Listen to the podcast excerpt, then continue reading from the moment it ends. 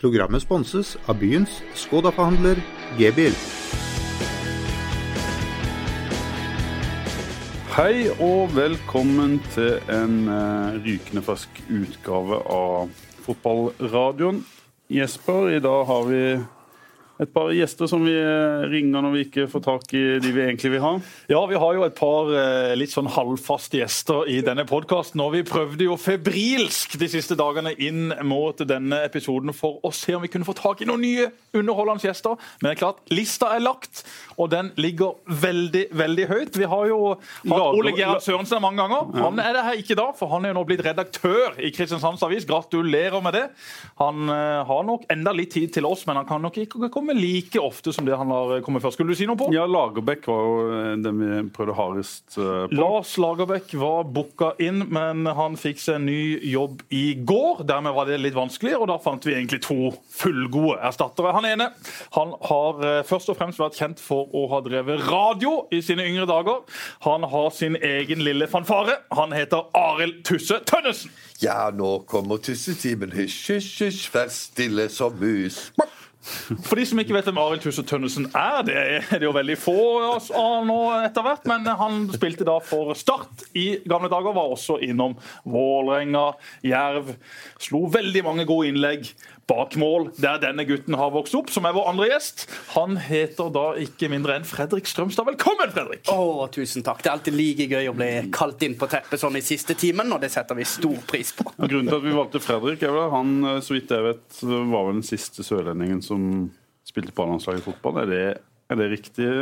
Fredrik? Han har iallfall fryktelig mye mer landskamper enn oss. oss trenere i dette studioet. 25? 24? Nei, jeg tror det er rett under 20. Ja. Cirka. Men om jeg var sistemann, det er sånn Det tror jeg han var. Ja, vi sier det. Er Stefan Strandberg, men han, han kan ikke regne med. Siste Kristiansand. Han er jo Lyngdal, og han reiste jo feil vei. Han er fra Lyngdal som Tysse. Jeg var ikke interessert i landslaget sjøl, så det var Du, du hørte Ole Gunnar Solskjær. Du takka nei til, til landslagsspill uten at du egentlig var aktuell. For det var jo det Solskjær gjorde til denne landslagssjefsjobben. Hans rådgivere pressa på om at NFF måtte kontakte han. Da kontakten først kom, så var han kjapp på tråden til å si nei, jeg vil ikke bli landslagstrener. Ja, men Solskjær, du hadde aldri blitt tilbudt denne jobben uansett. men vi må begynne med landslaget. da. Det ble jo voldsom eh, hallelujastemning egentlig i hele Fotball-Norge etter at det ble kjent at eh, Lagerbäck ble sjef. Jeg tror ikke jeg har lest ett sted at noen av Morten Lange har kanskje sagt at vi må være litt uh, forsiktige og litt skeptiske, men bortsett fra det så har det vel vært unisont eh, positivt, eh, Jesper? Ja, jeg meldtes litt med Langli i stad, for jeg ble spurt i dag TV 2 om jeg kunne sette opp en sånn forventa elver. Hvem skal laget bygges rundt? Hvem skal være kaptein? Og Jeg kan jo lese eh, litt av Langlis melding. Det er jo en elendig gjeng i utgangspunktet, uten moral og selvinnsikt. Joshua King er Norges beste spiller. Tror du f.eks. han vet hvem Lagerbäck er? Altså, Det går litt på det. Lagerbäck er en bra mann. Han har hatt en fantastisk karriere som landslagstrener. Vært i syv sluttspill med tre forskjellige land. Men så er jo spørsmålet hvordan vil de norske spillerne passe til hans fysiske spillestil? Og hvem skal laget bygges rundt? Hvem skal være kaptein? Hvem skal skåre målene? Hvem skal være midtstoppere? Det er fryktelig mange hull i den oppstillinga. Vi tar den diskusjonen etterpå. Men Fredrik, hva tenkte du når du hørte at det ble han? Du, eh, jeg syns det er spennende at de velger eh, et annet navn enn eh, en norsk, en norsk trener, sånn som det har vært i veldig mange år. egentlig, At det går kun i det norske. Men få inn noe impulser fra, fra utlandet. Og, og han, han, har jo vist meg sist nå med Island at han kan gjøre fantastiske ting med, med et lag. Så er det som Jesper var inne på, i forhold til de spillerne som er der. Eh, jeg tror den islandske mentaliteten er ganske annerledes fra den eh, norske, til dels. Eh, så det blir spennende å se om han klarer virkelig å få ut det beste av, av Norge. da. Men at han har meritter som, som vist sist i, i, Frankrike, det er det jo ikke tvil om. Så det er vel på en måte den det er jo den holdninga og det er jo det, det, den entusiasmen som nå vises i media og, og blant folk. Så uh, vi må selvfølgelig gi han en sjanse, men jeg tror ikke det Hvor mange landslagssjefer hadde du? Du hadde Åge Hareide, husker vi jo. Ja, og så hadde Drillo noen kamper. Ja, og han her, eh, Lars Lagerbäck, er jo omtalt som en lignende trener som, som Drillo. Hvordan opplevde du de forskjellene med Hareide og, og Drillo? Uh, det var veldig stor forskjell på Hareide og Drillo. For uh, når Drillo kom inn uh, etter, etter, Hareide, så var det jo Eh, han var særdeles opptatt av gjennombruddshissighet. Eh, ballen skal framover, og han hadde eh, klare, enkle roller til hver eneste spiller. Så det var veldig lett å forholde seg til, til når Drillo kom inn, i forhold til Åge, hvor ting var litt mer ja, offensivt, så gjorde du ting litt som du følte for. da. Så jeg tror absolutt Men er det viktig å ha de klare rammene? Det er forskjell på en klubbtrener og en landslagstrener, åpenbart. Er det viktigere å ha de klare rammene der på et landslag enn det på et klubblag? Ja, det tror jeg. For det at på et landslag så treffes du gjerne tre-fire dager i forkant. du er ikke så samspilt, så du må dra de store linjene. Og hvis du kan få inn en, en som bare sier sånn, sånn, sånn, det er din oppgave, utfør den hvis du gjør det, så, eh, så vinner vi kampen. Og, og, som skaper den entusiasmen som forhåpentligvis han kan gjøre, og uh, at det smitter over på spillerne, og at han, han, han, har den autoriteten som skal til for at uh, det er elleve mann som går ut der og, um, ja, og gir 110% Så uh, Har du troa, Tusse? Ja, jeg var positiv, jeg. Jeg syns ikke landslaget er godt nok, sånn som de har sett det. Jeg syns det har vært kjedelig å se på. For Det er det som er problemet, er det ikke det? De er jo ikke gode nok til å slå gode lag med, med, med å spille det ut. Ikke gode nok til å slå dårlige lag heller. Nei. Det er egentlig ikke det. Men det var ikke i Island var jo heller ikke det før eh, Lagerbäck tok over. Island var på 132.-plass på Fifa-rankingen da Lagerbäck kom opp. Men kan jeg ikke stille spørsmål om eh, en landslagstrener også kan være med og utvikle profiler ute i de store ligaene, sånn som Drillo gjorde? Det er mange som mener at eh, Norge ble en god fotballnasjon også fordi disse spillerne begynte å prestere bra på landslaget, og så ble de plukka opp av de større klubbene fordi de presterte på nettopp landslaget. Kan ikke det skje igjen, da? Jo, selvfølgelig kan det det. Men de det er jo mange som spiller nå ute i Europa allerede. Ja, det det. Eh, men det er ingen som er stjerner ute i Europa. Nei. Det er ingen klar ener på landslaget i dag. Nei, det er veldig det er mange samme. spillere som spiller i såkalte bakgårdsklubber. Så det er nede i andre Bundesliga, der har vi noen som spiller, så er det noen som sitter på benken i de store ligaene. Men vi har liksom ingen som ukentlig dominerer, som leverer på et veldig høyt nivå. Men som Fredrik var inne på, vi er jo nødt til å ha inn en trener som er tydelig, klar og har en plan som spillerne forstår. Under Per-Mathias Høgmo så var det jo det totale kaos på treningene før kampene. Vi som sto og så treningene, vi skjønte ikke hvordan eller hvem som skulle spille. Og det skjønte faktisk ikke spillerne heller. Så det at det nå kommer inn en mann som har erfaringer, som har tydelighet, det vil jo allerede der være et kjempestort pluss. Men så er jo spørsmålet hvor gode er våre spillere? Vi har som Fredrik sier, ikke så veldig mange som presterer ute i Europa. Vi har en eliteserie som ikke det er heller all verdens av høyt nivå på. Men da må vi i fall organisere opp laget så bra at vi kan hevde oss mot bedre motstand ute i Europa. Det er jo eneste sjansen vi har. Og Dermed var det gledelig at vi i går fikk Lagerbäck, som jeg selv ikke trodde var interessert i denne jobben. For han og Nils Johan Semb har vært så gode venner i så mange år at det er egentlig med at ja, men hvis det var Lagerbäck, så hadde disse vært enige for lenge siden. Jeg trodde heller det skulle komme inn en Erik Hamren eller en annen utenlandsk trener, f.eks. Roy Hodgson eller Bob Bradley, men det ble Lagerbäck, og det, det må vi si oss fornøyd med. Men jeg husker jo det at på, på, jeg spilte i Eliteserien når eh, landslaget kom til sitt første VM i 94. og Da var jo norsk klubbfotball løfta seg òg veldig da. Mm. Rosenborg begynte jo å vinne og kom i Champions League og, og, gjorde det veldig bra. Så hvis de får en bra landslagstrener nå, så kan det løfte klubbfotballen i Norge òg. Det er jeg helt sikker på. Mm. Det jeg synes var veldig bra. Så er det synd da at Island, som har et par millioner mindre innbyggere, egentlig har et bedre utvalg av spillere enn det Norge har. I alle fall i de veldig viktige posisjonene. Midtstopperplass, der har Island bedre spillere enn Norge. På spissplass har de bedre spillere enn vi har i Norge. Og så har de da noen krigere på midten som ikke vi heller har i Norge. Vi har spillere som er løpssterke, som er teknisk gode. Veldig mye midtbanespillere av denne typen. Men vi mangler de som har spisskompetanse. Og det er jo disse spillerne Lagerbäck er glad i å dyrke. Så kanskje får vi noen overraskelser allerede i den første troppen mot Nord-Irland. Hvem tenker Du på? Du har kanskje tenkt på noen allerede. Hvem er det som, som uh, hvis en tenker litt utenfor boksen, som kan komme inn som kanskje aldri har vært uh, inne før? Nei, Jeg har tenkt i et par timer allerede. Eh, men jeg klarer liksom ikke å komme opp Heltene med noen... Nilsen eh, Brann? Nei, det tror jeg ikke. Det tror jeg ikke. Det går for seint. Ja. Han får flytte seg for seint. Danielsson han var innbytter på Viking, mm. og han nå var en viktig spiss for Island. Så ja, Han skåret nesten mot Liverpool, Bølvarsson. Sånn, Gjorde Dadason, sa du? Det var en gamle Nei, da, Ricardo Dadason. Jeg tenkte det. Det var din. Du mener Jon, Jon Daniel Bølvarsson, ikke sant? Helt riktig. Han som var i Viking. Ja, Han satt på benken i Viking.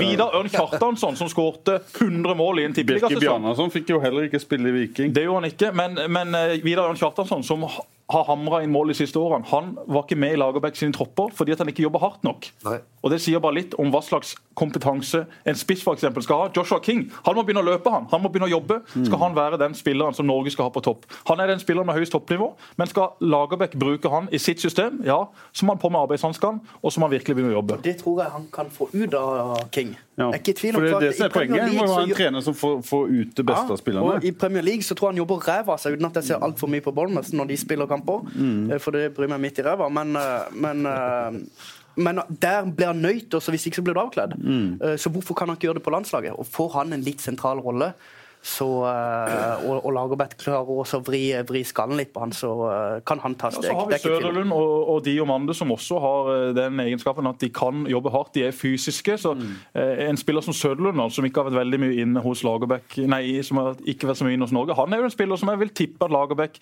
vil like. fordi han har en fysisk spillestil, jobber knallhardt og er selvfølgelig litt rotete, men kan skape rom for, for andre. Og det var jo sånn Island spilte under EM også. To raske, sterke spisser som de slo opp på, og så fikk de flytta laget etterpå. Og Ingvar Jonsson, som var vår gamle starttrener, han snakka med Startkeeper. startkeeper, hva sa jeg? Så trener. Han var ikke starttrener, det var han ikke. Kanskje en dag kanskje en dag da overtar han for Erik Rutford. da Erik Rutford er blitt 102 år gammel og legger hanskene på hylla.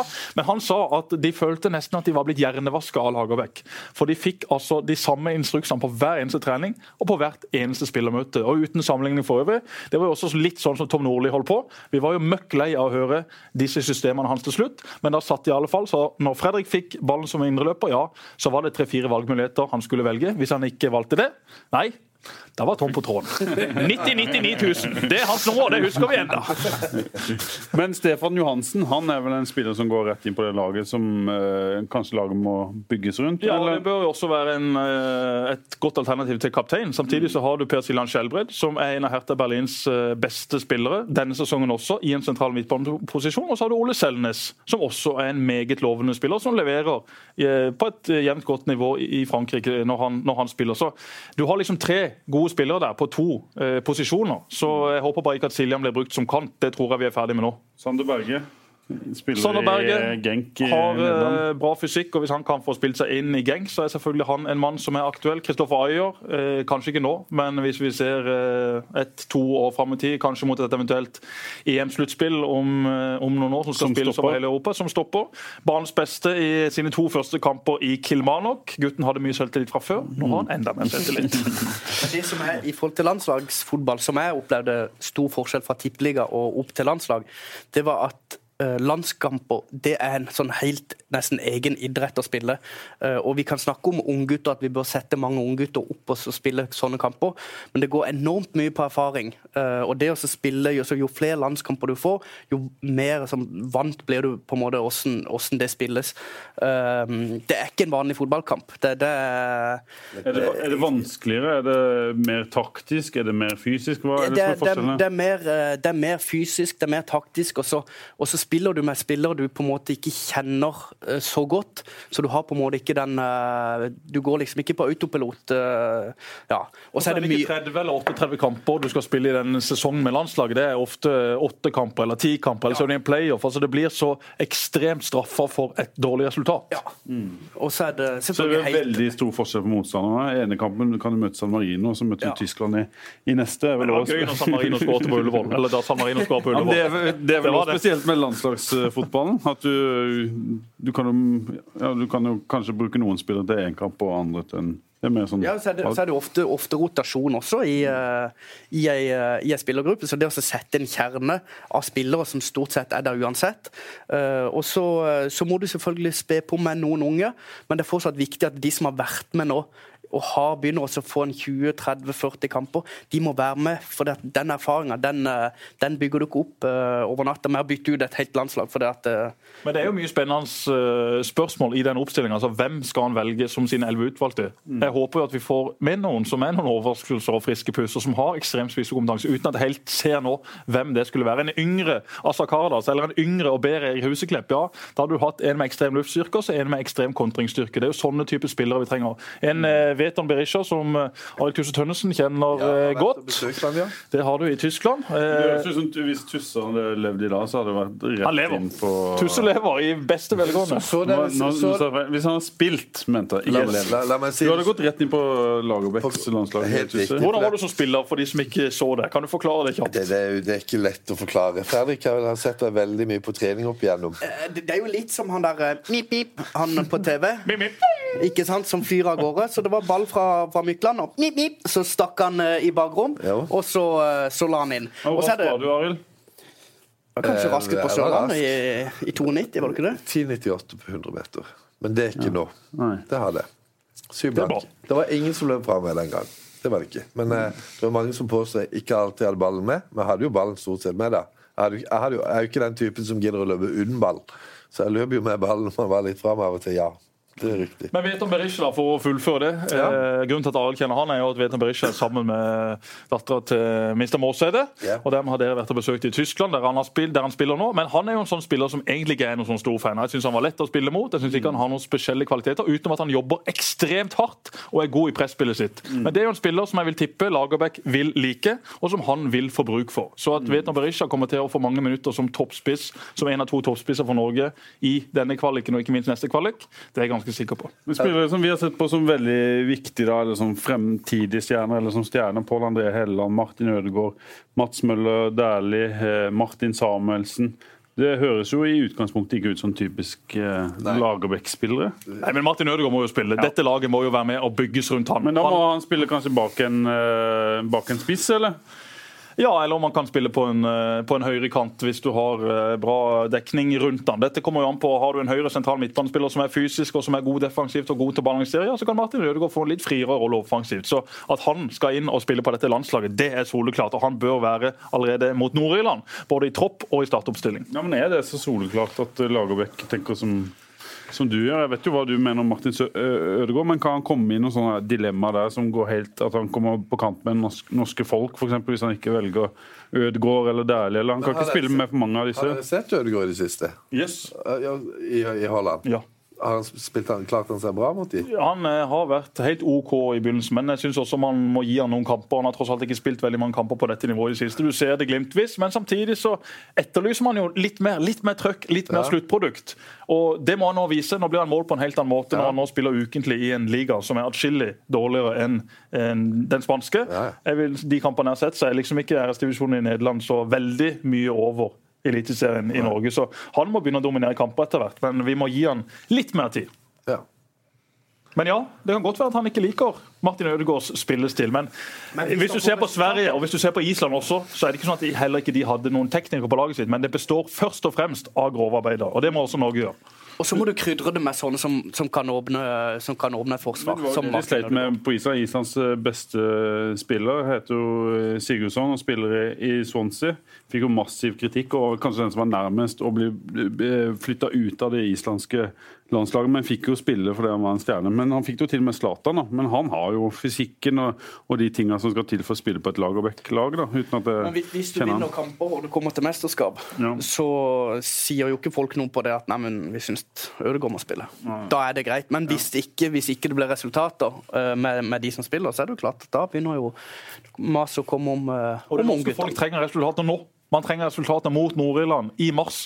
Man trenger ikke en trener som snakker om at ja, men dette skal bli så bra om to-tre år. A-landslaget skal vinne kamper, de skal prestere nå! Det skal ikke være noen utviklingsarena for folk. Hvor langt bak er vi i, på andreplassen i gruppa? Nei, det er vel Med seier mot uh, Nord-Irland borte, så er man plutselig med og kjemper innom andreplassen. Man har jo tre poeng på fire kamper, men det er klart at uansett om man blir nummer to i gruppa, så, så er jo spørsmålet Du er sannsynligvis blant de dårligste toerne. Men, ja, Men da- nå har vi iallfall et lite håp. Det må vi kunne ha. Og det som er gøy nå, er jo at faktisk det er litt entusiasme rundt landslaget igjen. Nå gleder jo folk. Ullevål kommer sikkert til å være tett på utsolgt.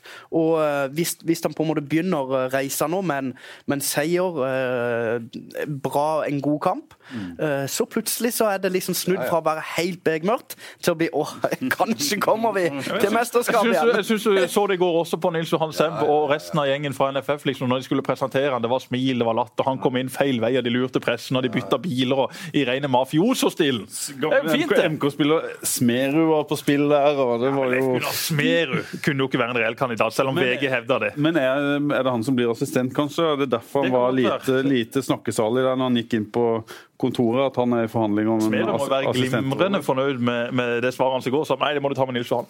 Det må du ta med Nils Johan. Jeg vil ikke svare nei. Jeg vil ikke svare nei. Nei, Det kan godt være at Leif Gunnar Smerud er et aktuelt navn som en assistenttrener. Det blir spennende å se. Han sa han skulle ha en nordmann, og da er selvfølgelig Leif Gunnar Smerud en av de heteste kandidatene. En forbundsmann, og det er jo mange trenere som er litt oppi åra, som Ja, sikkert er også kunne tenkt seg en sånn rolle. Utdanna psykolog, det kunne flere av de norske spillerne trenge etter det de har vært gjennom de siste årene.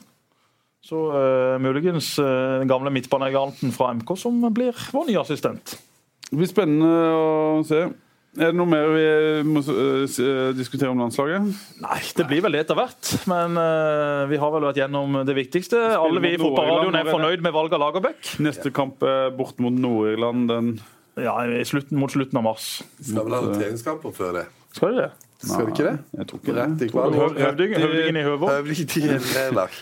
Det er nedlagt? Nei, de Er det gått konkurs? konkurs? De er ikke det, vet Nei? ikke. Nei, jeg tror ikke det. Høvågbanen, der har jeg spilt mange er treningskamper. det er mange gode spillere som har vært der. Ja, bare treningskamper. Høvåg var for langt ned i divisjonssystemet til at du eh? Hisøy spilte på Ja. i fjerde divisjon. Jeg tror Høvåg Nok om Hisøy og Høvdingen i denne podkasten for i år. Vi skal la videre. Vi er ferdig med landslaget, ikke Ja. det? Det blir spennende å følge utviklinga. Ja, Ja, det blir spennende å se hvem som blir assistent, hvem som blir kaptein, hvem dette laget bygges rundt. Men det har vi mye tid til å komme tilbake til. Det har vi. Vi må snakke litt om eh, Start, som så vidt er i gang. Det er jo veldig mange som hører på oss. I gang, Som, De begynte jo å trene 10. desember. Det er jo verdens lengste oppkjøring fra Steinar P. sier- Hadde jeg begynt å trene 10. desember, jeg hadde vært møkklei allerede nå. når jeg sier i gang, så tenker jeg på kamper. Ja. De eh, spilte mot Vindbjart her eh, ja, forrige fredag, var det vel? Ja, og Den kampen var jo ødelagt før han var i gang, fordi at Steinar Skeie skal fortsette å spille en fotball spillerne hans ikke behersker. Når du har henta inn nye keepere, nye midtstoppere, og ikke de kjenner systemet, ikke de er gode nok til å trikse eller slå pasninger, ja, så var det jo 2-0 i Fleisen før det var spilt ti minutter. og Da er jo den kampen egentlig ødelagt. Så det var litt synd. Jeg hadde håpet at Vindbjart kunne fremstå litt smartere, fram til de iallfall har spillere som kan beherske den stilen Steinar Skeie vil spille. Men vår gode venn Steinar fra Vennesla han er tro mot uh, sine premisser, og, og det straffer seg. betalt for det til slutt, da. Det er jo ikke viktig å få betalt for det nå. i en Nei, han har spilt på over 3,5 mål i den kampen, så vi kan jo godt betale. Det er mulig han hadde det. Det gjorde jeg ikke, men det skulle jeg selvfølgelig gjort. Var Start gode? Nei, jeg syns ingen av lagene egentlig var spesielt gode. Vindbjart viser at de er langt under det nivået de var på for et par år siden. De har mista mye gode spillere, og da er det helt naturlig at eh, de ikke er på det samme nivået. Dette var Starts første kamp. Vi vet godt hvordan sånne kamper blir. Det blir litt så der på en halvdårlig, tørr bane, så det var jo egentlig litt som, litt som forventa. Spillere stinner trening og ja, første treningskamp og lenge siden du har spilt. Nå bør en begynne å se da at de funker. Når La Manga. La Manga. ja, da, får du, da får du litt Da begynner han også å slippe opp litt på, på trening og ja. Sol, sola kommer, og jeg merker jo alltid det at når sola begynte å komme, da var det jo Det var jo da han begynte å sprudle litt. Og så trene innendørs eh, to ganger til dagen eh, januar, februar, mars er jo Men hva handler det om nå? da? For nok grunntrening og, og sånt du, du overlever en sesong i Eliteserien når den Det, starter? det er jo det å få, grunntreninga som, som gjør at du, du kan stå en hel sesong uten, uten skader og dritt og lort. Så, Hva tenker dere som har spilt på start og sånn om, om vår eh, rolle når vi kommer ut i Sørlandshallen og hauser opp og gir børs? og- Er det bare en tull, egentlig? Det er litt tull. Det er litt tull. Ja. Det er mange spillere som har prøvd, og, og de er jo ikke i toppform nå. Det går jo an å gi en børs, men, men det er jo ikke det viktigste alltid. Nei. Syns jeg. Men alle spillerne leser børsen. Med en eneste gang. Alle. Er Alle spillere leser børsen. leser. Bare gå inn og sjekk loggen deres, og så finner du ut av de IP-adressene som har vært innom. Kan gi deg samtlige av de navnene på den lista at de har vært inne og sjekka. Selvfølgelig. Det gjør vi alle. Det har vi alltid gjort. Men ja, jeg syns det er gøy med børse. Du kan jo gi børs i treningskamp også. Vi vet jo at det er vanskelig å sette børs på 11 mann, og det er enda vanskeligere å sette på 22 mann. Vi gjør det jo sånn at uh, uka før seriestart så kan vi lage en sak. Dette har vært vinterens beste startspiller. eller dårligste Jo, men det er greit, men, men en sånn Jeg husker på landslaget òg, så var det noe børs på trening. Altså sånn, også, Ja. eh, hva, er, hva er greia med den der børsen? Du fikk børs på trening av VG. Ja, jeg tror, ja, eller et eller annet. Ja. Uh, ja. Du leste det ikke sjøl, du bare ble fortalt det. Nei, den, den, eh, den leste jeg, for det var litt sånn uh, hadde de begynt, Det var noe nytt.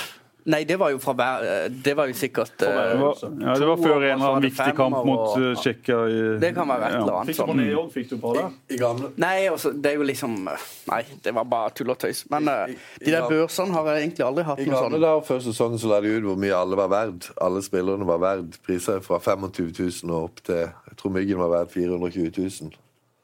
Så det Hva var var du prisa til? 75 000. 75? Ja, men, Midt på treet. jo, men spisser koster litt. Men Dette var bla, bladet Fotball? eh, Nei. Dagblad. Var det Dagbladet? Ja. Ja, jeg fikk eh, melding av en som hadde lest det nå nylig. For det eh, Hvor mye har du vært nå? nå Millioner. Altså, hvis en kulepenneselgerbedrift skulle henta den nå, så hadde det kosta litt. Hvis du skal ha den beste kulepenselgeren, så er ikke det gratis. La Det er ikke det det. sånn. Er ikke det. Det er ikke en allemannsjobb. For det driver jo eh, Tønnesen med. Han er jo kulepennselger. Og Fredrik, vi må jo kjapt innom det. Du selger jo solskjerming! Ja. Det er din nye, nye jobb. Du, uh, Hvordan ja. er det? Du, det er helt fantastisk moro. Jeg driver med innvendig og utvendig solskjerming. Uh, Jeg skal vel nesten garantere at vi har best pris i byen. var nok reklame. Eh, Så stopp det. Jeg- gidder ikke å drive- og klippe i programmet etterpå. Jeg skal ikke det. Men jeg, jeg vurderer i stilling i høydeteknikk. Byens ledende høyde eh, liftutleie. Jeg bare tuller. Nå, er- nå, nå er nok. Vi, vi, skal få, vi skal fortsette å snakke om, om eh, Start. Men det er bra kvalitet også. Det fikk jeg ikke sagt, men det er bra kvalitet. Men hvis ikke, vi, hvis ikke vi får en haug med penger for, for dette her, sånn eh, innlagt reklame Men eh, Stats innkjøpspolitikk skal vi snakke litt om. I, av, spillere? nei, av vanlige Nei, av utlendinger, kan vi snakke om. ja. Ikenna forsvant ut av Start. En av mange spillere som har blitt kjøpt ut av kontrakten etter å ikke ha prestert i, i, i klubben. Bruno er en, Castro er en, Paniagua eh, Igor. Ygor. ja, Han ble ikke kjøpt ut av kontrakten. Jo, han gjorde kanskje dette Nei, skulle du kjøpt han ut av kontrakten, så måtte jo hele Sparebanken Sør eh, Men de, det er i eh, hvert fall flere som har blitt kjøpt ut av kontrakten fordi de ikke har prestert uh, Tusse. Hva, hva er det Start holder på med på overgangsmarkedet? Ja, det kan du jammen si. Uh, nå er ikke jeg med i styret, men jeg, i fjor når de hadde solgt uh, Lyngdalsgutten, sønn til en gammel venn av meg, Rasmussen, til Danmark, og endelig fått inn litt penger, så tenkte jeg kanskje at de hadde bruk for de penger, og så kunne de brukt noen av de talentene som eh, noen av Segberg og diverse. De hadde jo spillere i stallen, de har lite penger, og så bruker de penger på å hente inn et par av våre nye landsmenn. Det syns ikke jeg er lurt, og det har mange med meg. Det skjønner jeg ingenting av. Det var ingen av de som var gode heller. Jeg så ingen De henta, vi tar de de henta. De henta Dully Johnson fra, fra Molde. Henta Dennis Antwi fra Jerv. Eh, Garneser fra Jerv. Eh, og så henta de noen eh, De det var hentet fra Lørenskog. ja, Gibril ja. Bojan.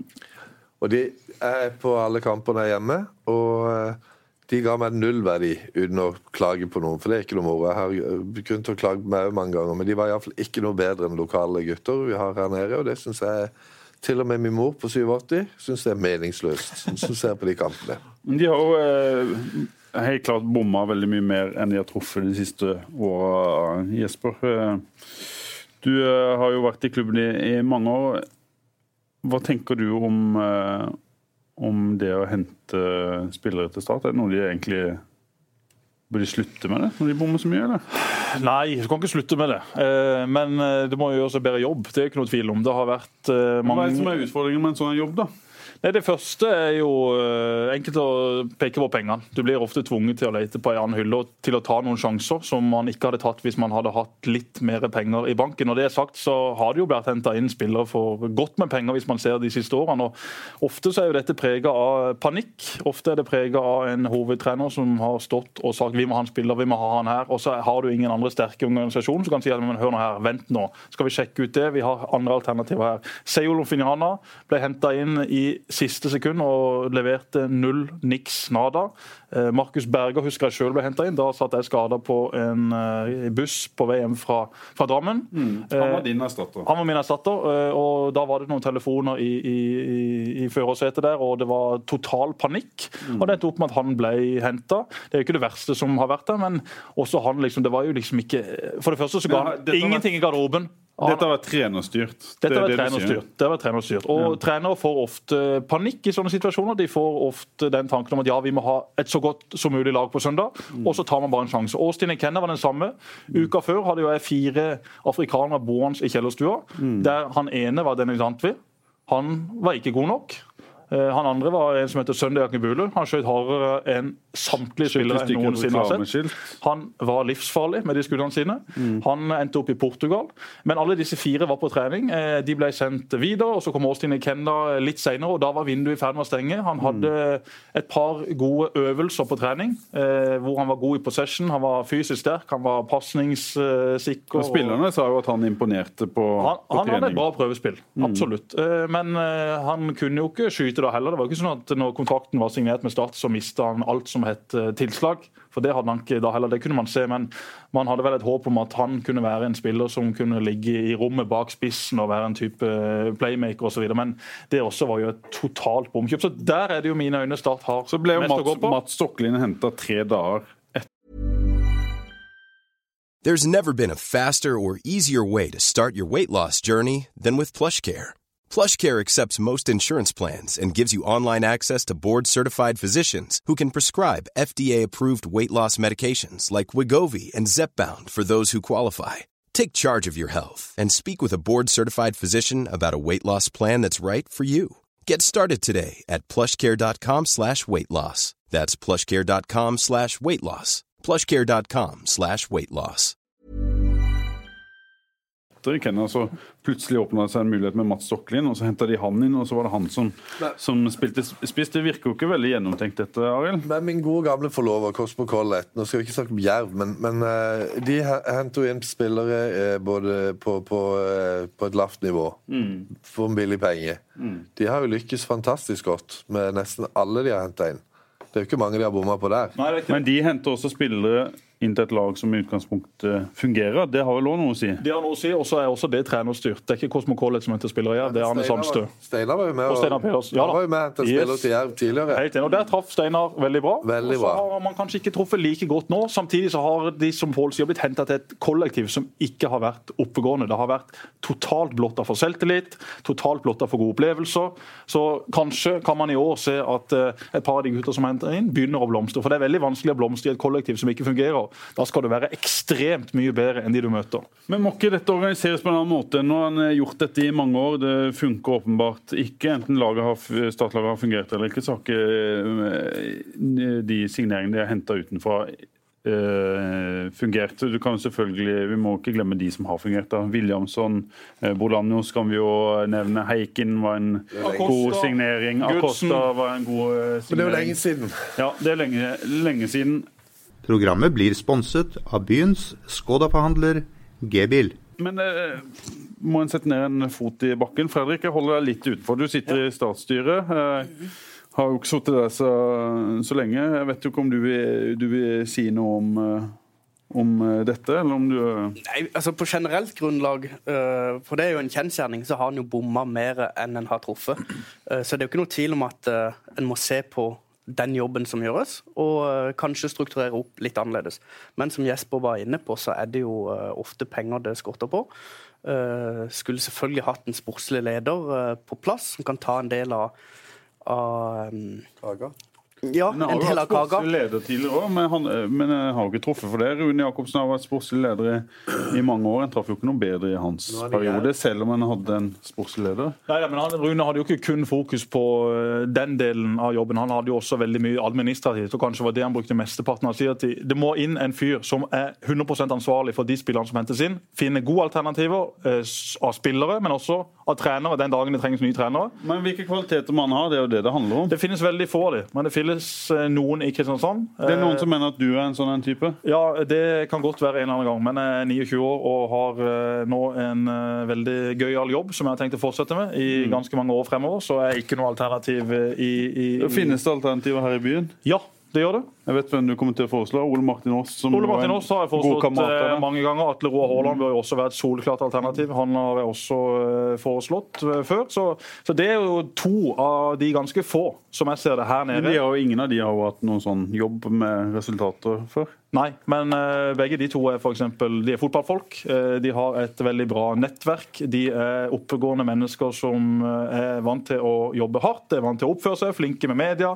De tikker egentlig på veldig mange av de boksene som jeg ser på som viktige i en sånn type stilling. Mm. Og Dette går jo også på økonomi. Start hadde hatt en sportssjef hvis de hadde hatt økonomi. De hadde henta inn spillere på et helt annet hylle hvis de hadde hatt økonomi. Men, men dette henger sammen. Nei, men du kan inn... ikke bruke økonomi som et Jo, men det, sier, det, det henger jo sammen. Jo, du må kunne bruke ei krone kroner for å vinne to! Ja. Ikke sant? Hvis du, hvis du, bruker noen kroner på en sportssjef, ja, så vil du treffe på syv av ti istedenfor tre av ti. Og da er plutselig regnestykket helt annet. Hvis dere gjennom regnskapene sine for de siste fem åra ser hvor mye de har brukt på å hente eh, spillere og se hvor mye de hadde spart hvis de hadde hatt en sportssjef, så er jo entydig svar på det. at En, en burde jo egentlig tenke at en ikke har råd til å ikke ha en sportssjef. Man bruker lite penger eh, på de spillerne som er kommet inn, men det er klart, henter du to spillere på 30 000 kroner i måneden, som er lite eh, for en, for en klubb som starter å hente en spiller for, ja, så har du to av de som ikke fungerer, ja, så er det 60 000. Og så har du tre av de, så har du 90. Og for 90 000 eller for 60 000 så kan du få en klassespiller. Og det er jo mye viktig å hente inn klassespillere for en litt dyrere penger, eller litt færre, og så spe på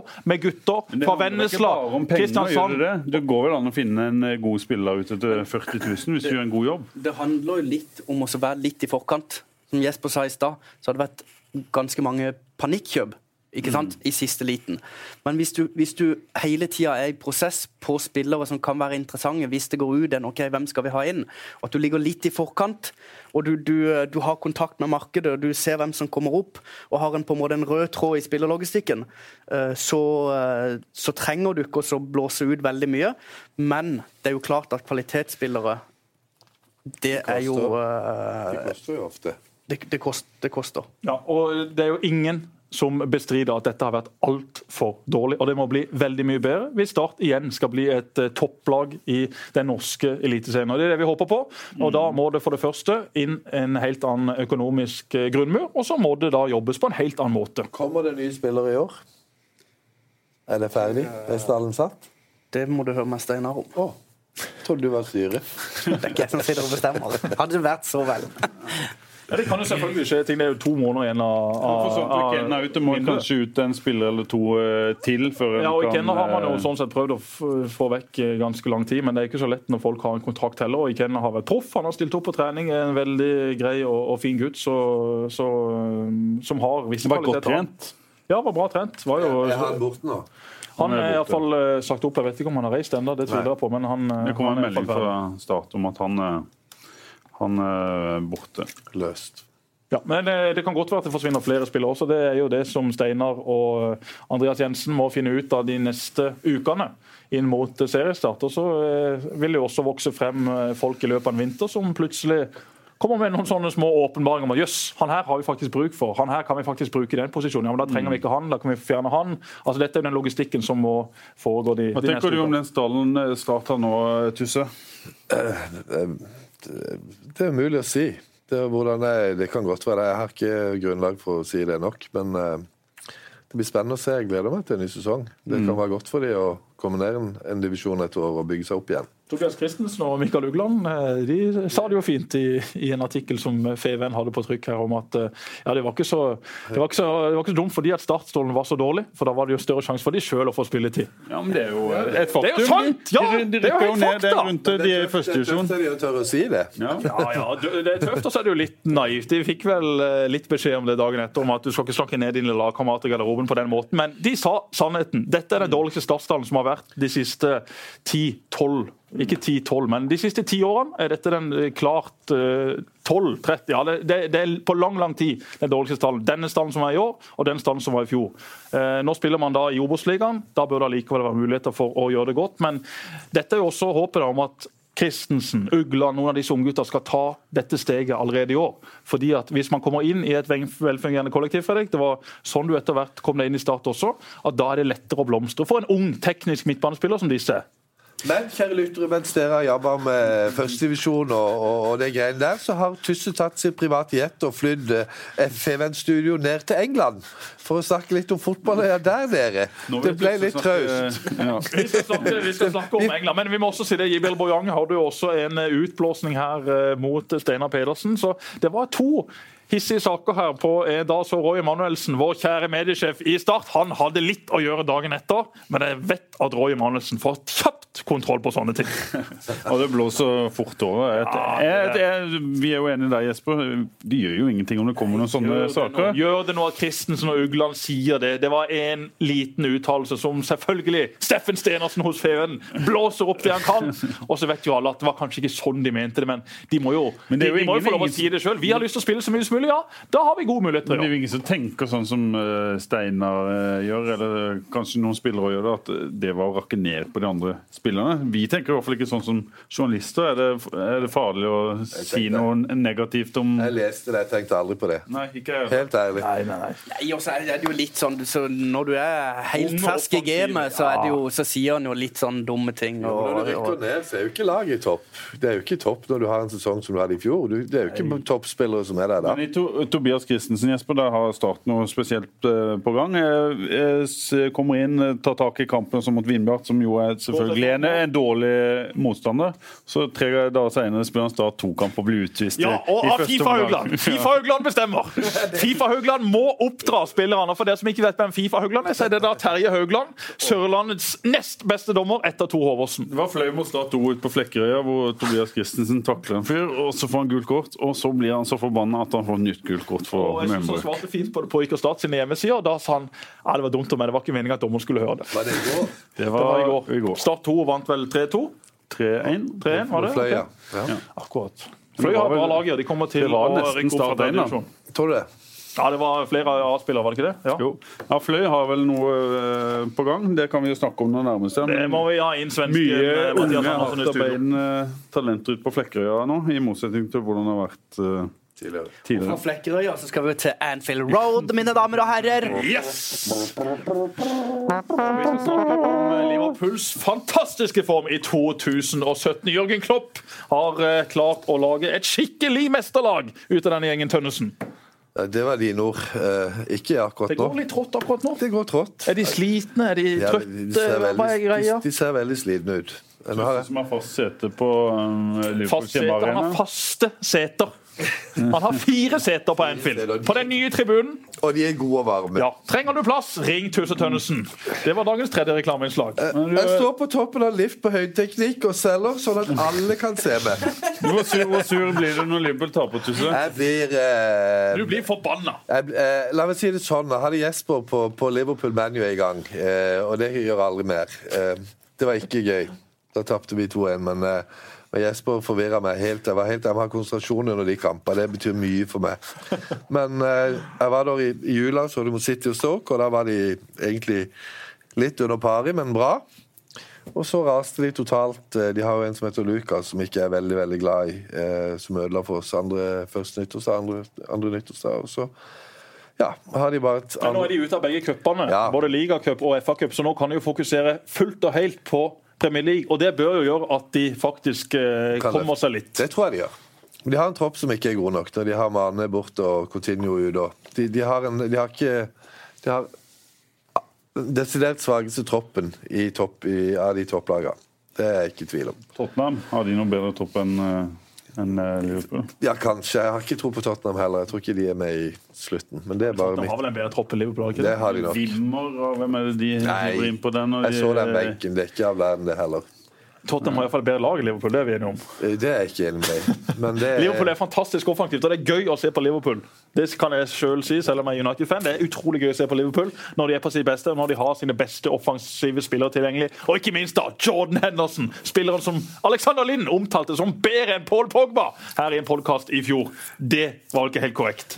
Paul Pogba har ikke vært god i år, for å si det sånn. Nei, men han har jo likevel vært ni ganger bedre enn Jordan Henderson. Mener dere at Paul Pogba har hatt en god sesong? Jeg har sett de fleste Han har kamper. vært, Han har vært mye bedre enn Henderson. Han har vært ujevn, god i noen kamper. Det som irriterer med Pogba, er jo det sveisende og dansende. Ja, ja, det må jo ja, ja. ja, men må ikke sånn eh, plukkes av de, Fredrik?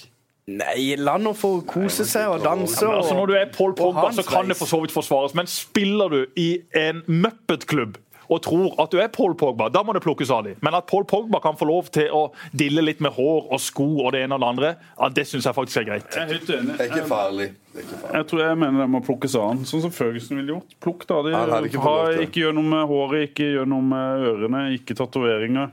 Ingenting. Knallhardt, knallhardt arbeid. I United var det ikke lov å ha tatoveringer. Ingen United-spillere har tatoveringer.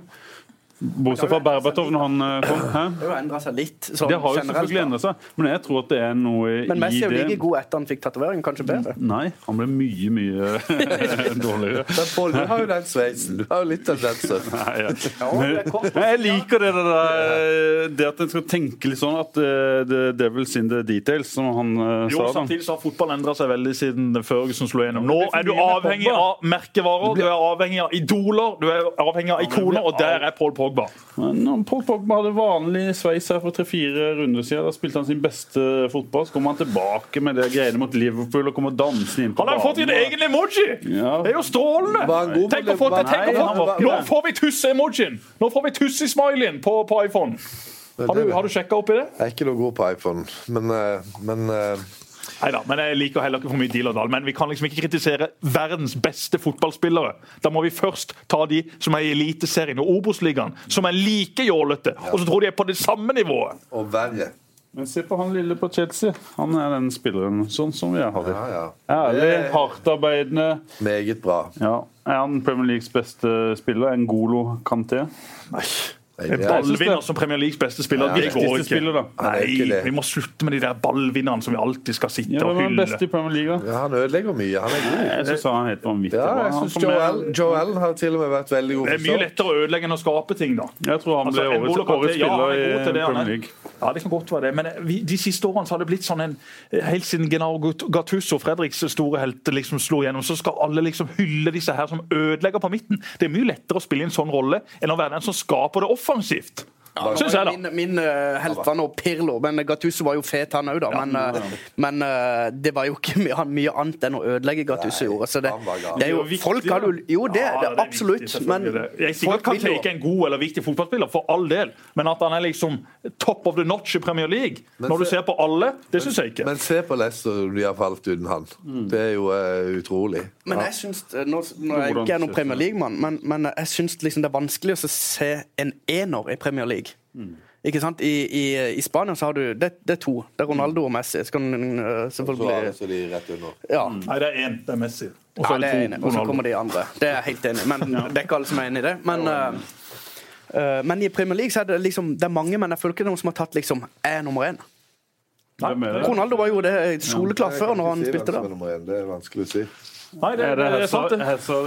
Nei, nei, nei. Chelsea? Han er for dårlig defensivt. Ja, det er Ja, han. men, Det- men er- det ja, men er ikke det som oppkommer han heller. Nei da. Nei. N'Golo Kanté for alle, en god fotballspiller, men jeg er mer fan av disse offensive Hvem syns du er den beste, beste spilleren i Premier League, Jesper? Uh, nei, altså En Hazard på sitt beste er fantastisk god. Sergio Aguero er på sitt beste utrolig god, men han er jo bare skala. Han spiller jo ikke veldig mange kamper gjennom en sesong. Uh, Sanchez i Arsenal. Sanchez er selvfølgelig veldig god på sitt eh, beste, han også, men det er mye sånn ustabilt. da Costa. Costa, nei, jeg syns ikke det. Jeg synes ikke det. Han, er, han er en bra spiller, for all del, men han er ikke, han er ikke der oppe altså for meg. Zlatan. Zlatan er selvfølgelig der oppe på sitt beste, men han er snart 40 år, og det er klart han, han vil ikke være like stabil, han heller. En frisk Coutinho er- han må jo Coutinho være en er av de. Han kan bli det, da. Ja. Det er sa du før sesongen. Du trodde Coutinho ble årets spiller, sa du ikke det? Jo, det sa jeg før sesongen startet. Det kan jo skje Var det ikke det? eh, Jo, men sånn eh. Ja, selvfølgelig. Men, å, du vet jo det, for det å spå noe og det å se hvordan ting faktisk er, det er to helt forskjellige ting. du kan velge mellom Canté og Coutinho. Hvem velger du som Canté uten Gjør du det? Ja, nå ville jeg gjort nei, det. Hadde du tatt Coutinho, solgt Coutinho, og så kjøpt Canté og så hatt masse penger igjen. Nei, jeg tror Det er jo ni- mye dyrere offensive spillere. hadde valgt Canté foran uh, Nei, ikke nei, Coutinho. Nei, du gal. Det tror jeg aldri. Jo, jo. Det er det Det jeg ingen. Jeg hadde valgt Pogba. Tenk deg den summen du kan selge han for. Du kan kjøpe ni Canté. Tenk deg en midtbane med Coutinho, Pogba og uh, Da er vi på jobb. Da er vi på jobb. Det hadde vært bra. Men det skjer nok aldri. eh, Premier League, da? Er det allerede kjørt? Jeg sa? Liverpool, før sesongen, men nå må jeg selvfølgelig endre på det og si eh, Chelsea. Ja, Det ser jo ut som Chelsea har kommet til å ta dette. Jeg tror ikke Chelsea vinner serien. Nei, hvem tror du? Nei, jeg tror det blir City eller, uh, City eller City, Liverpool eller Arsenal tror jeg vinner. Jeg tror alle de tre. Jeg tror ikke Chelsea er gode nok. tror det blir tredelt på topp. Nei, det tror jeg ikke. Det blir- en av de tre. Ja, men jeg Liverpool er, men jeg, Ja. ja. Men eh, fra uh, Anfield til uh, Ellen Road. Vi må snakke litt om Leeds og Frank Stanley. Ja, Vi skal ha Frank Stanley her som gjest. Frank Stanley, altså Takk Neste ja. ukes gjest. Vi har endelig fått eh, tak i han. Og både Fredrik og Arild kjenner jo eh, Frank godt. Tønnesen, du kjenner han kanskje best. Du har spilt med denne fyren. Hva, hva, hva kommer vi til å få vite her i neste uke? Hva slags historier kommer det? Dere får iallfall pizza. Dere får mat her. Han driver pizzabakeren Ja, det ute på. Brennåsen. Ja. ja da, enda litt mer reklame på. Å nei, unnskyld. Det var kommer på lufta. Det er høyteknikk som leverer han. det er så høyt opp, det er jo tredje etasje Nei, bare tuller. Men eh, Ja, Frank. direkte er Frank Stanley fin. Han, eh, han var en morsom og verdens snilleste. Folk trodde han var litt hoven og blærete. Det kan jeg si det var han ikke. Han var bare veldig rett i ryggen. Eh, men han, eh, han var fantastisk fotballspiller. Jeg skåra vel ni mål på 22 kamper første året sammen med Frank. I, vi, var det, vi var det mest skårende spissparet i 1992. Det er faktisk sant. Eh, han hadde 17, og jeg hadde 9, så vi hadde noen og 20 mål. Men eh, alle de måla kom nesten fra stusser fra Stanley. Han, mm. han var en, en, en bamse, og jeg var rask, så de likte ikke å spille mot oss. Han, eh, Han var rask, Frank òg. han var kjemperask. Han var nesten vi var, Han var en av de kjappeste, han òg. Men han var bare så stor at du kunne ikke se det så Tønnesen og Stanley hadde passa for Lagerbäck, sier du. Helt sikkert. Du har- var han eh, assistenttrener eller angrepstrener eller noe sånt i Start? Han var eh, assistenttrener i var det 03, tror jeg. Mm. Uh, da kom han vel egentlig tilbake fra, fra proffopphold, uh, egentlig, og så rett inn som assistenttrener, mener jeg. Um, en, eh, en bra mann. En, eh, en superassistent eh, da. Og det Husker alltid vi hadde um, dødballstrening dagen før kamp. Og da så du liksom hvor, hvor god Strand det var, for da var jo han ofte med og spilte, for vi var jo ikke eh, 24 mann. Nei. Jo, ble det 22 kanskje? Eller 24? Nei, Vi hadde- spilt med tolv på banen. I den tida var det Ja, da var det tolv. Eh, Stemmer det. og da slo han Marius Johnsen og Steinar Pedersen hver eneste gang på, på, på dødballtreninga. Så du så bare han hadde et eller annet uh, ekstra. Og i Aalborg så sier du det er det største talentet de noensinne har hatt, og de har jo produsert uh, en del spillere. Har du noen historie om Frank Arild som vi som kan ta med neste uke? I gang i Tromsø vi hadde vi, eh, Jeg begynte å bli trøtt på slutten av kampen. Det var borte mot Tromsø, det var storkamp. Og, og, eh, og eh, vi utligna til 2-2 borte med Frank skåret ett hver. Og så var jeg egentlig så trøtt, og så var vi pressa, for Tromsø var gode. Og så tok jeg litt hoftefeste på den ene sida, og så sto Brede og hylte på den ene sida, og så sto Frank sånn, og så sa, jeg til Brede bytt meg ut, og så klikka han. Jeg, sk- jeg skulle ikke ut da, han ville ikke bytte meg ut. Og så så, så jeg bare Frank kom løpende mot meg der, løp jeg som en ga. Jeg dreper deg, Tusse, hvis ikke du løper, da løper du for Og så sinna han og, sinna i garderoben etterpå. Men uh, Så han var den, den typen som kunne oppildne og, og gå litt Ja, ja, foran. ja. For- for- Jeg, jeg hørte jo det at han var vel den uh, På landslaget så sa de at uh, jeg var med eh, jeg traff et par av de sammen med Frank et par ganger, og noen av de spissene på landslaget, og de sa at han var det desidert beste spissen i Norge. Så var han jo veldig uheldig. Han var jo med i alle kvalikkampene til VM i Amerika, og så skulle de utvide troppen, og så kom han ikke med. Så eh, jeg syns han ble urettferdig behandla. Mange Det sa vi klart fra om den gangen òg. Vi får høre den historien sikkert fra, fra Frank når han eh, kom her, at det sikkert var en, en stor nedtur i hans eh, karriere. Da, sammen med en del skader òg, som vel eh, ødela for han. Ja. Nei, så hadde vi en episode en gang nede i Vi var på sydentur sammen med damene våre, og så, og så skulle vi ikke ha noe å drikke da, før, før middagen. Men meg og Frank var inne og henta drikken som bungalow, og så fikk vi, fikk vi barkeeperen til å sette noen, et eller annet i kjøleskapet der, så vi var bare bortom og kjente at det var kaldt. Og så merka jo damene etter hvert at vi begynte å komme litt i, i form. Og så eh, spilte vi minigolf, det var rett før Frank skulle til Leeds, bli proff. Så var det ei dame, han, eh, det er jo kona hans nå, da, så håper ikke Line blir sinna. Men, eh, men eh, hun løp etter ham med mini, minigolfkølle, og det kunne fått fatale følger. Men det var Tusses skyld, så eh, han visste ikke om det. Jeg tar skylda, Frank. Unnskyld. Men altså, husker du, Frank Fredrik, du var jo en, en gutt som sto bak målet som Jesper nevnte i stad, og så på på både sikkert trening og kamper når du var, var mindre. Var han en av de store heltene dine? Ja, det var jo det. Det var jo, eh, det var jo den gullrekka der med, med Muraru i mål og Klaus Eftevåg på Lydåsen og Myggen og Tusse Jeg Tønnesen. var ikke der. Jo da, du var jo det. Jeg passa jo sønnen, eh, sønnen din da. Var Ja, jo, ja. eh, Ja, jeg var jo åtte, og så passa han på fire. Stian, Ja. stemmer så det? var Anno, Anno de som Stian, følger med på det. Stian, ja, ja, ja. Så, eh, og Strandi var jo selvfølgelig en av, en av de store, da. Som, eh, og Totto, selvfølgelig. Som, ja, det var jo For ei tid det var! Vi, vi savner noen sånne nå, da. Fredrik var med på treninger på Justvik i pøsende regnvær. Henta baller. Han var god venn med Brede. Han var Bredes høyre hånd. Så Vi var savner eh, sånne profiler, men trøsten er at det vil komme sånne profiler igjen en dag. Det er viser det eh, fotballhistorien gjennom mange tusen år. At det vil vokse frem nye profiler, som Totto, som Strandli, som Tusse, og ikke minst som Strømstad. Så vi har mye å se fram til, Jørgensen. Først er det Frank neste uke. Så er det snart eh, La Manga. Og så er det landskamper, og så skal Premier League avgjøres. Altså, tenk så gøy det er for oss som liker fotball. Jeg, jeg, jeg måtte sende ut en melding på, på Twitter og Facebook om det da Norge eh, spilte denne semifinalen. Tenk så kjedelig livet er for de som ikke liker idrett. Tenk for de som har null interesse for håndball, fotball, basket og tennis. Ja, jeg fikk jo alltid støtte, men sånne i sosiale medier så er det aldri noen som tør å ikke gi støtte. Det, det, det er det jo ikke. Alle trykker jo bare like. Ja, da tar det ikke mange sekundene, så er svaret på gang. Vi må ikke glemme profilen Jesper Mathisen, som var årets statsspiller i 2013. Ja, nei, det stemmer. det det det jeg betalte TV-en godt for å få den prisen. Ja, var du meget god, Mathisen. Ja, da, det var, skal du ha. de bedre. Må ikke glemme det. Du er ikke bare med i det. mediemann. nei, nei, men Jesper tåler, du tåler at folk smeller litt tilbake. Å ja, ja, jeg elsker det. Jeg elsker det. Men eh, da smeller det fort tilbake igjen, for jeg liker jo en god diskusjon. Men det er ikke sånn at du Legger du folk litt for hat? Som Eh, det kan jeg gjøre. Det kan jeg gjøre. Det, det skal jeg ikke. Jeg har lagt mine folk for hat. Det egentlig ikke, egentlig ikke bare sånne ting, men folk som jeg har sånn eh, Jeg har vel en liste i huet sånn på, på sånn åtte-ti folk som jeg hater. Det, det har jeg.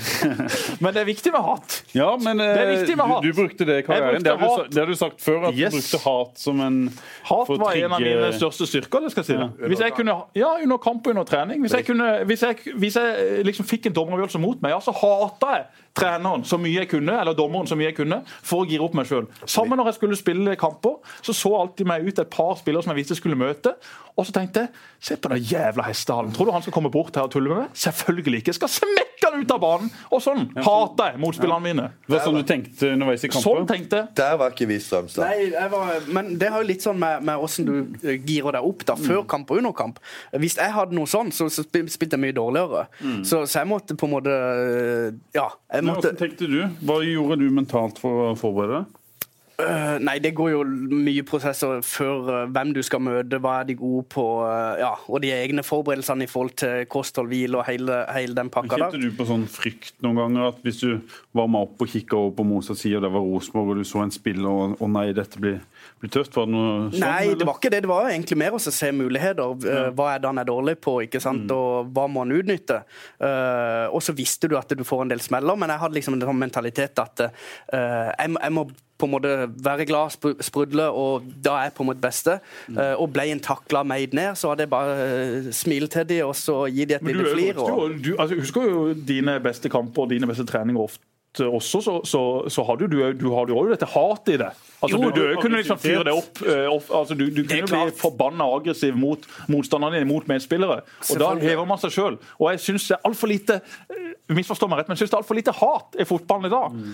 Altfor snill startgarderobe i dag. Det er altfor lite hat der. Det er altfor få som bare tenker er jeg skal ut og feie det laget av banen. Og, og at du er skikkelig tent, det må du ha. Å bli forbanna, det, det for all del. Mm. Men hvis jeg på en måte hadde kun én duell med, med en mann og gikk og hata, så brukte jeg for mye energi på å tenke på han. Eh, Mens for Jesper så, så var det på en måte positivt, da. Ja, og jeg savner det så sykt. Du Det å kunne hate folk. Du kan jo ikke hate folk i det daglige. Du kunne hate på fotballbanen, og det var ingen som sa noe. Så var man venner igjen etterpå. Men du kan ikke gå ned med marken og så bare skrike Hei, du! Din jævel! Nei, Du kan jo ikke det! Hvis du var Arendal og går på anabole steroider, da, det, der kan du gjøre det. Ja, da kan. Tusen, var du, Nå var du best? Jeg, var, jeg fikk nesten aldri gult kort. Jeg hata ingen. Jeg var egentlig aldri redd for så Jeg grudde meg aldri til å spille med noen heller. Vi hadde så godt lag, følte jeg, at vi kunne, vi kunne vinne borte like bra som hjemme. Men. Mangler du noe? Mangler du den aggressiviteten for å liksom Ja, ta det, det, neste det, jo, det, ja, det gjorde jeg helt sikkert. Jeg kunne være, det er jo grunnen til de kaller meg for Tusse. Mm. er helt sikkert litt ukonsentrert og glapp ballen under beinet noen ganger. Og, og, eh, men eh, nei.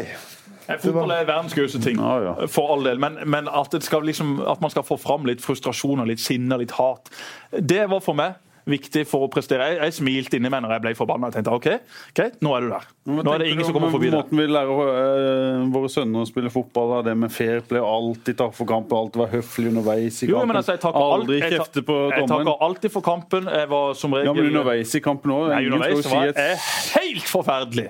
Helt usmakelig! Aldri i mitt liv møtt noen som er i nærheten. Når Svein, blir, din sønn, blir seks-sju år og begynner å spille fotball og, og viser noen av fars egenskaper og kjefter litt på dommeren og Birker litt i motspilleren, hva gjør du da? Vi får se. Jeg kommer nok til å gi ham lov til det. Jeg kan jo ikke, jeg, kan ikke glemme hvordan jeg sjøl var, men pappa var veldig på meg på det. Eh, Og mamma nekta jo å så kampene mine da jeg vokste opp. Hun nekta å komme og se kamper. Hun var helt flau over oppførselen min. Mens pappa var liksom han han sa det til meg, Jesper, du kan ikke holde på sånn, men eh, det er greit. Eh, jeg skjønner hva du vil og hva du mener osv. Så, videre. så så eh, ja, vi får nå se hvordan det går med neste generasjon. Det kan umulig bli verre enn denne generasjonen. Så vi skal nok få oppdratt han litt bedre enn forgjengeren. Det må vi satse på. Vi satser, vi satser på det, og så lar vi det bli siste ord for denne gang. Altså... Men det er gøy med hat på, det er gøy med litt Jo, jeg- sinne, jeg- også i podkaster. trenger ikke være så redd for ting. Nei, altså poenget. Skulle jeg spilt i år mot Arendal og Jerv, og i all verden jeg skulle hata fra Arne Sandstø til Knut Hørum, altså. Jeg hadde elska det! Jeg hadde begynt å dirre meg opp allerede. Jeg hadde løpt rundt i Jeger som bare Du hater den rundt for banen, du, Jesper. Ja, jeg du hater spiller det, ball bort. Du er berykta for det borti Grimstad. Du sparker ballen vekk i den der viktige Ja, det gjorde jeg. Ja, det blir aldri Jeg noe beklager Jeg er glad i Jerv, jeg er glad i Vi Grimstad. glemmer aldri det. Ikke fullt så glad i Arendal. Nei, nå er det nok gutter. Vi sier takk for i dag. Takk for i dag. Og følg med, neste uke er det Frank Strandli. Send inn spørsmål via Fotballradioens Facebook-side. Men skal vi ha Fredrik Høe komme? Nei. Det må dere gjerne. Vi, vi, ring, vi ringer Hvis Frank ikke kan komme, så kommer dere. Er det greit? Vi er jo alltid friske. Ha det. Ha det. Programmet ble sponset av byens Skoda-forhandler G-bil.